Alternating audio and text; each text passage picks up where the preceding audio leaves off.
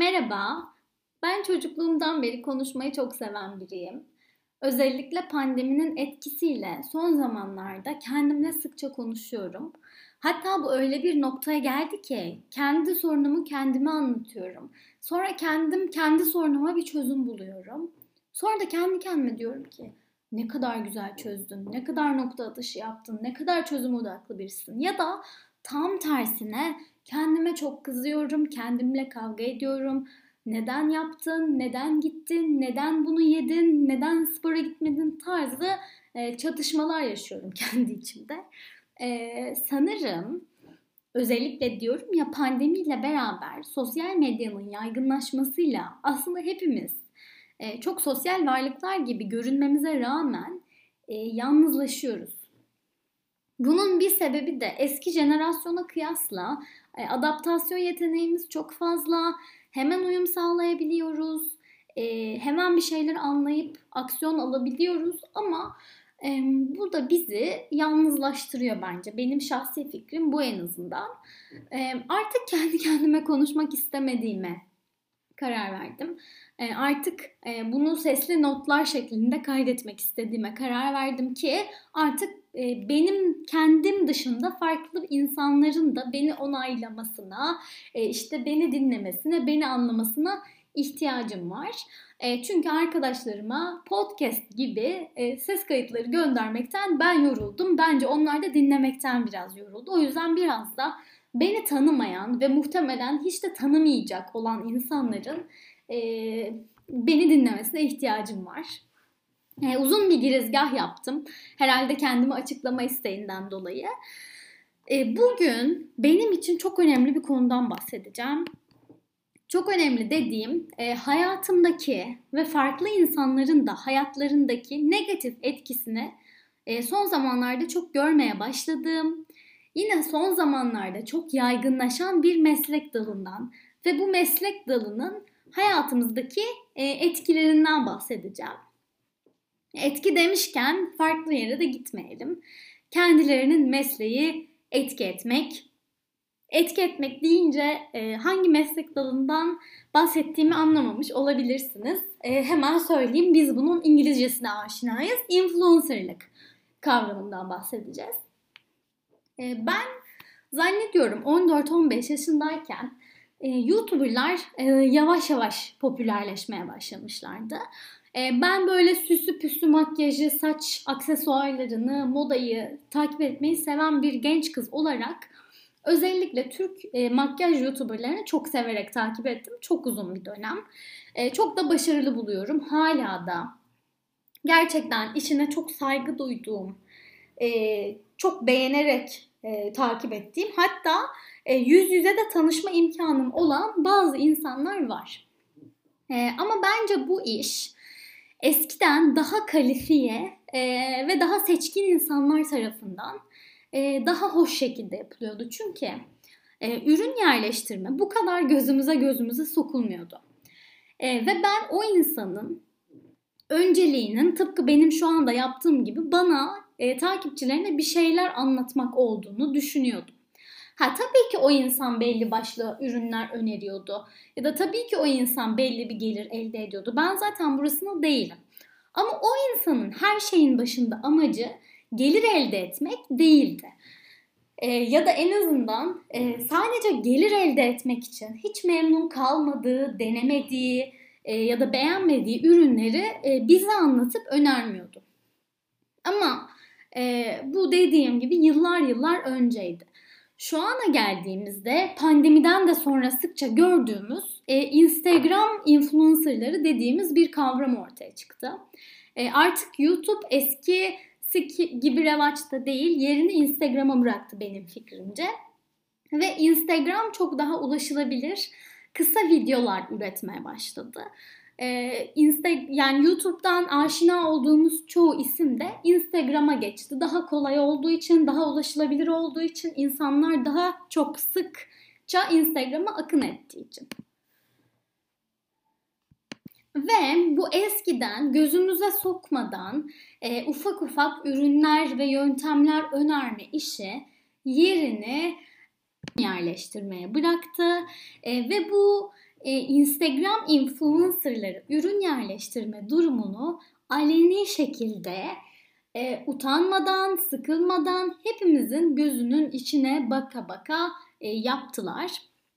Yani tabii ki şunu da demek istemiyorum. Hani bu utanılacak bir meslek, hayır bu gerçek bir meslek değil gibi şeyler de söylemek istemiyorum. Sadece e, bir insanın işinin tamamen ürün yerleştirmeye yönelik olması benim karakterime, mizacıma, yapıma biraz ters ve bunu sürekli yapan yani her gün saatlerce story atıp saatlerce bir şeyler öneren insanları anlamam şu an için hayatımın şu dönemi şu bilinç seviyem için mümkün değil.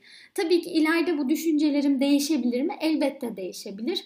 Ama şu anda gerçekten saygı duyduğum influencerlar olduğu gibi saygı duymadığım ve işini hak etmediğini düşündüğüm, haksız kazanç sağladığını düşündüğüm birçok insanda maalesef ki var. Şimdi biraz da şöyle bir durum var. Eskiden YouTuber'lar bir ürün önerdikleri zaman örneğin bir ruj gösteriyor bana ve diyor ki e, bakın ben de böyle durdu. Eğer siz esmerseniz sizde şöyle duracaktır. Buğday tenliyseniz böyle duracaktır. Bana çok daha kaliteli bir içerik sunup e, bana minicik bir ürün gösteriyordu ve ben o ruju edinmek istediğimde evden çıkıp işte giyinip dişlerimi fırçalayıp duş alıp çıkıp bir alışveriş merkezindeki bir spesifik mağazaya gidip o ürünü bulup e, kasaya sıraya girip satın almam gerekiyordu. Ama şu anda ee, yine çok bahsedeceğim. Sürekli aynı kelimeyi tekrarlıyorum ama pandeminin de etkisiyle bizim bu influencerların önerdiği ürünlere erişimimiz gerçekten çok çok çok kolay. Ne yapıyoruz? Ee, bir ürün önermiş. Rujdan devam ettik. Diyelim ki influencer arkadaş bir ruj öneriyor bize. Ee, biz o ruju elbette şu anda hepimizin telefonundaki en çok kullanılan uygulama olan bir alışveriş sitesinden sipariş edeceğiz. Ama benim o alışveriş sitesinden girip aramama bile gerek kalmıyor. Çünkü tek bir e, story'yi yukarıya kaydırarak o ürünün linkine erişmiş oluyorum ve yapmam gereken sadece kendi bedenimde ya da istediğim renkte ya da istediğim şekildeki versiyonunu seçip sipariş vere tıklamak. Yani benim o ürüne erişimim o kadar kolay. Dışarı çıkmama gerek yok aramama gerek yok. Bir sürü insanla muhatap olmama gerek yok. Hayır yani o benim a, kapıma kadar geliyor. Hatta şöyle bir durum var. Yani istemiyorsam ben kargocuyla bile muhatap olmak zorunda değilim. E, temassız teslim seçeneğine basıyorum ve temassız şekilde kapıma asılıyor ve ben onu alıyorum. Şimdi bu çoğu insan tarafından çok kolaylaştırıcı, çok memnun edici bir e, fırsat gibi görünse de aslında bu bizi tüketime e, teşvik etmek için yapılan bir kolaylaştırıcı uygulama. Şimdi tabii ki dediğim gibi bu olayları geniş bir spektrum halini düşünürsek yani çok pozitif taraftan da bakabilirsiniz, çok negatif taraftan da bakabilirsiniz. Biraz daha nötr şekilde de bakabilirsiniz ama bence negatif tarafı şu. Gerçekten ihtiyacımız olup olmadığını sorgulamadan sadece birinde görüp beğendiğimiz için bir ürüne belki kendi bütçemizin çok üstünde paralar verip e, sonrasına gelecek zamanlarda sıkıntı çekebiliyoruz e, o ürünü aldığımız için. Aynı zamanda o ürünü aldığımızda biz de influencer olmasak bile bir paylaşasımız geliyor. Yani e, mesela X influencer'ı bir elbise giydi. E, pahalı bir elbise.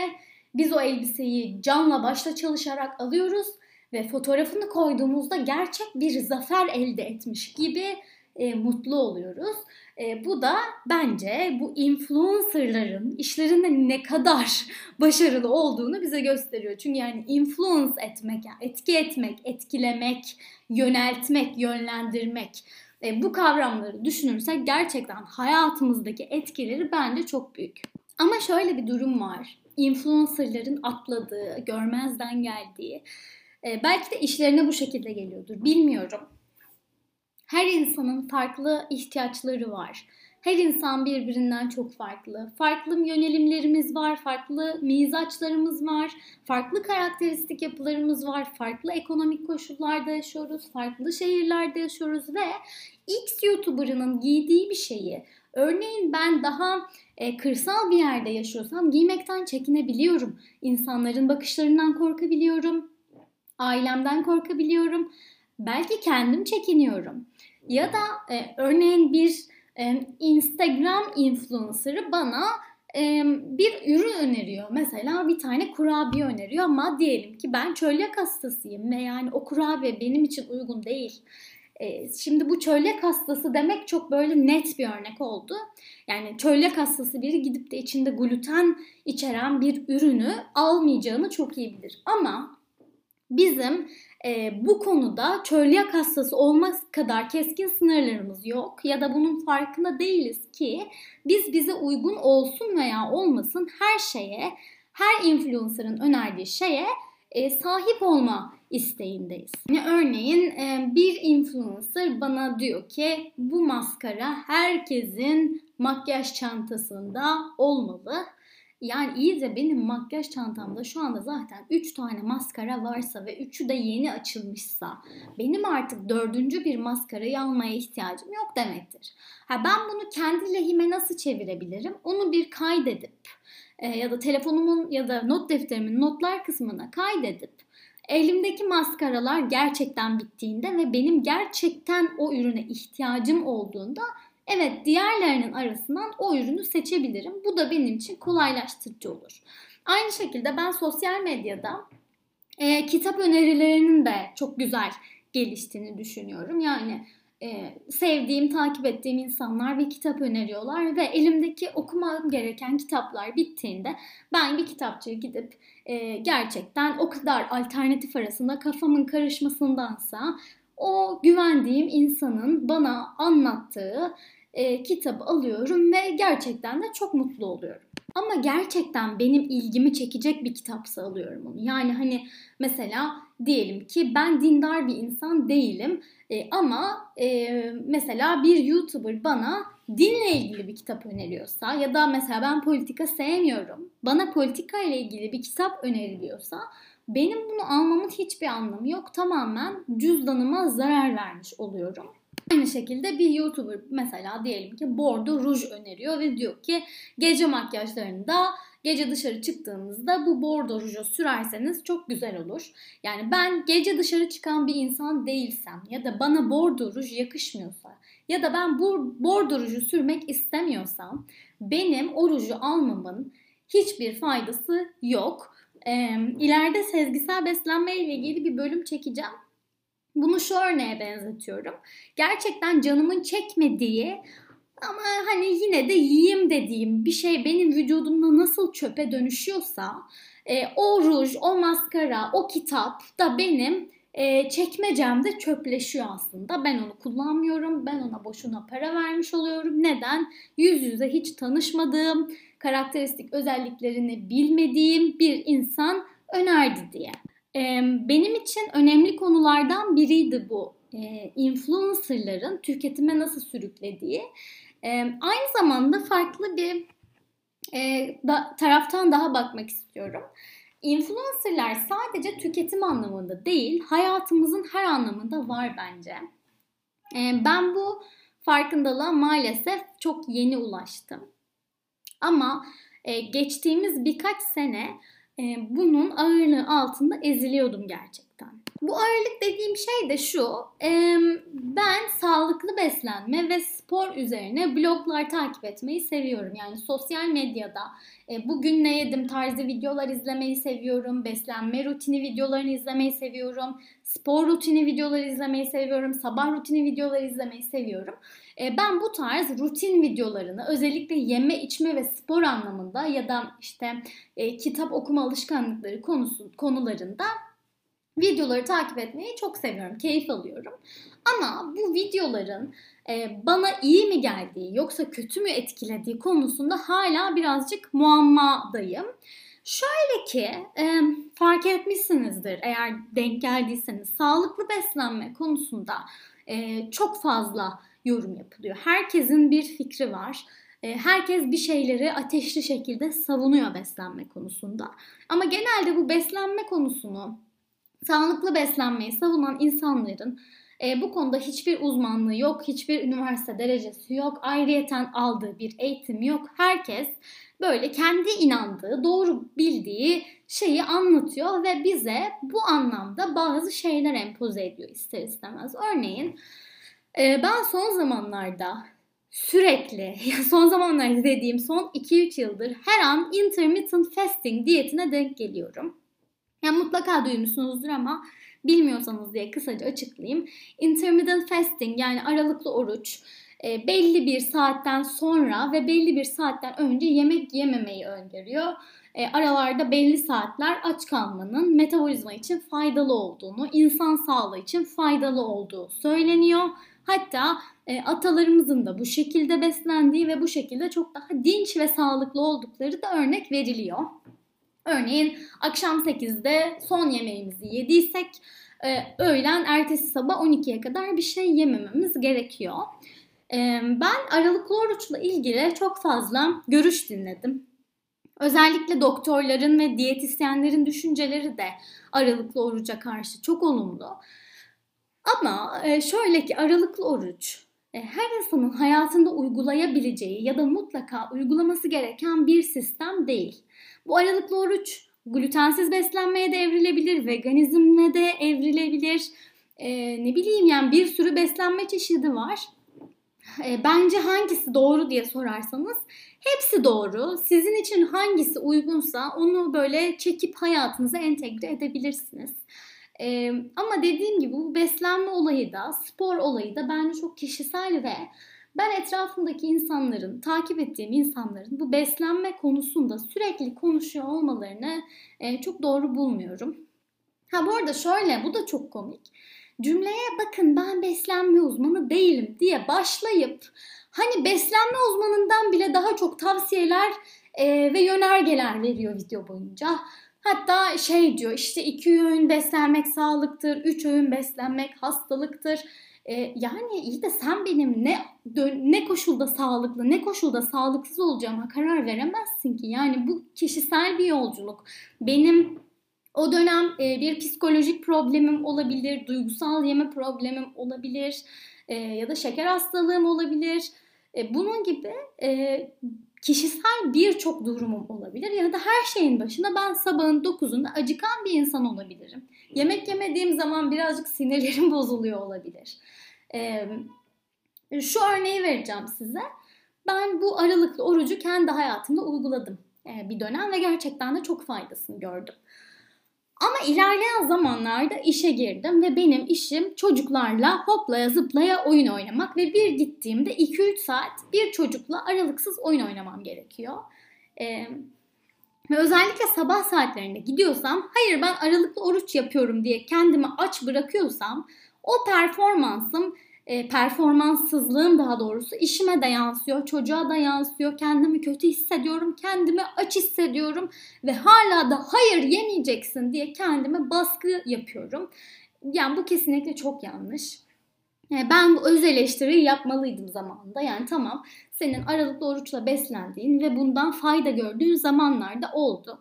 Ama artık hayatının daha farklı bir noktasındasın ve sabah kahvaltı etmediğin müddetçe işine odaklanamıyorsun. Bu da senin performansını düşürüyor. Yani zamanda sana çok iyi gelen aralıklı oruç şu anda senin sonun olmak üzere. Sana kötü geliyor. O yüzden e, uyandığında bir kahvaltı yap. Kendini daha iyi hissedeceksin tarzı bir öz eleştiri yapamıyordum. Bunun sebebi de şu. Influencerların sürekli ama sürekli bu konuda konuşması ve benim sürekli ama sürekli bunlara maruz kalıyor olmam bende bir yetersizlik duygusu oluşturuyor. Ben aralıklı oruç özelinde konuştum ama yani siz çok farklı konular üzerinde üzerinize alabilirsiniz. Ee, yine aynı örneği, farklı bir örneği vereceğim aynı konuda. Yoga örneği. Hani denk gelmişsinizdir. Birçok YouTuber, influencer sabah uyanır uyanmaz e, güzel taytlarını, spor kıyafetlerini giyip e, yoga metini yerlere serip yoga yapıyor. Böyle havalı pozlar yapıyor. E, çok da güzel görünüyor, estetik görünüyor. Sonradan kamera karşısına geçiyor ve diyor ki yoga benim hayatımı çok olumlu etkiliyor. Yoga beni olumlu anlamda çok değiştirdi. Hepiniz yoga yapmalısınız. Özellikle sabah saatlerinde aç karnı yaparsanız kendinizi çok daha iyi hissedersiniz gibi gibi. Ya işin aslı şu ki e, yoga gerçekten çoğu insana çok iyi geliyor. Bunun farkındayım. Ama e, bu durum benim için böyle değil. Çünkü ben e, bir dönem bileklerimden bir rahatsızlık geçirdim ve bileklerimin üzerine ağırlık veremiyorum. Verdiğimde kendimi çok kötü hissediyorum. O yüzden yoga bana uygun bir spor değil. Hani bu bilek e, durumunu geçtiğimde bile yani ben yoga yaparken keyif almıyorum. Yani bu bana e, mutluluktan çok eziyet veriyorsa yani demek ki yoga benim için doğru spor değil. Bu demek değildir ki spor benim için doğru bir şey değil. Kesinlikle bunu savunmuyorum. Ben diyorum ki benim hayatımdaki yoga, benim meditasyonum belki dans olabilir, belki yürüyüş olabilir, koşu olabilir, e, reformer pilates olabilir. E, yani bunu kendi hayatıma uyarlayıp kendime uygun sporu bulmak bence e, çok önemli. Bu arada kalemi düşürdüm. Sanırım heyecanlandım biraz konuşurken. E, ben lafı daha fazla uzatmayayım. E, bence ne demek istediğimi e, anlatabildim. Siz de umarım anlamışsınızdır. Yani şuna getireceğim. Ben kendim de e, bu tarz bir üniversite bölümünde okuduğum için rahatlıkla söyleyebiliyorum ki mizaç dediğimiz unsur, e, çevrenin bize etkisi e, gibi gibi şeyler yani hem e, genetik hem de çevre etkisi bizim hayatımızı şekillendiren şeyler. Ve e, herkes birbirinden gerçekten çok farklı. Herkesin farklı mizaçları var, farklı karakteristik yapıları var, farklı duyguları var, farklı ihtiyaçları var ve bir kişiye uyan şey diğerlerine de uyacak diye bir şey yok. Hatta e, bizim üniversitede kullandığımız bir deyim var. Türkçesini söyleyeyim. Bir beden e, her kişiye uymaz gibi bir şeydi sanırım. E, hepimizin ihtiyaçları, istekleri çok farklı ve YouTuber'ların deneyip memnun kaldığı, kendi hayatlarında uyguladığı şeyleri bizim uygulamıyor olmamız ya da yapamıyor olmamız bizim yetersiz olduğumuz anlamına gelmiyor. Ee, hayır sadece o durumun bizim hayatımıza o dönem için uygun olmadığı e, bunu uygulamak istemediğimiz ya da buna zaman ayıramadığımız anlamına geliyor. Yani siz de sabah uyanır uyanmaz çiçeklerinizi sulamıyorsanız, günlük yazmak istemiyorsanız, uyanır uyanmaz hiç spor yapasınız gelmiyorsa, aralıklı oruçla beslenmiyorsanız, gluten yemeyi seviyorsanız lütfen kendinizi yetersiz hissetmeyin. Kendi özünüze döndüğünüz zaman sizin için neyin iyi, neyin kötü olduğunu yine en iyi siz biliyorsunuz.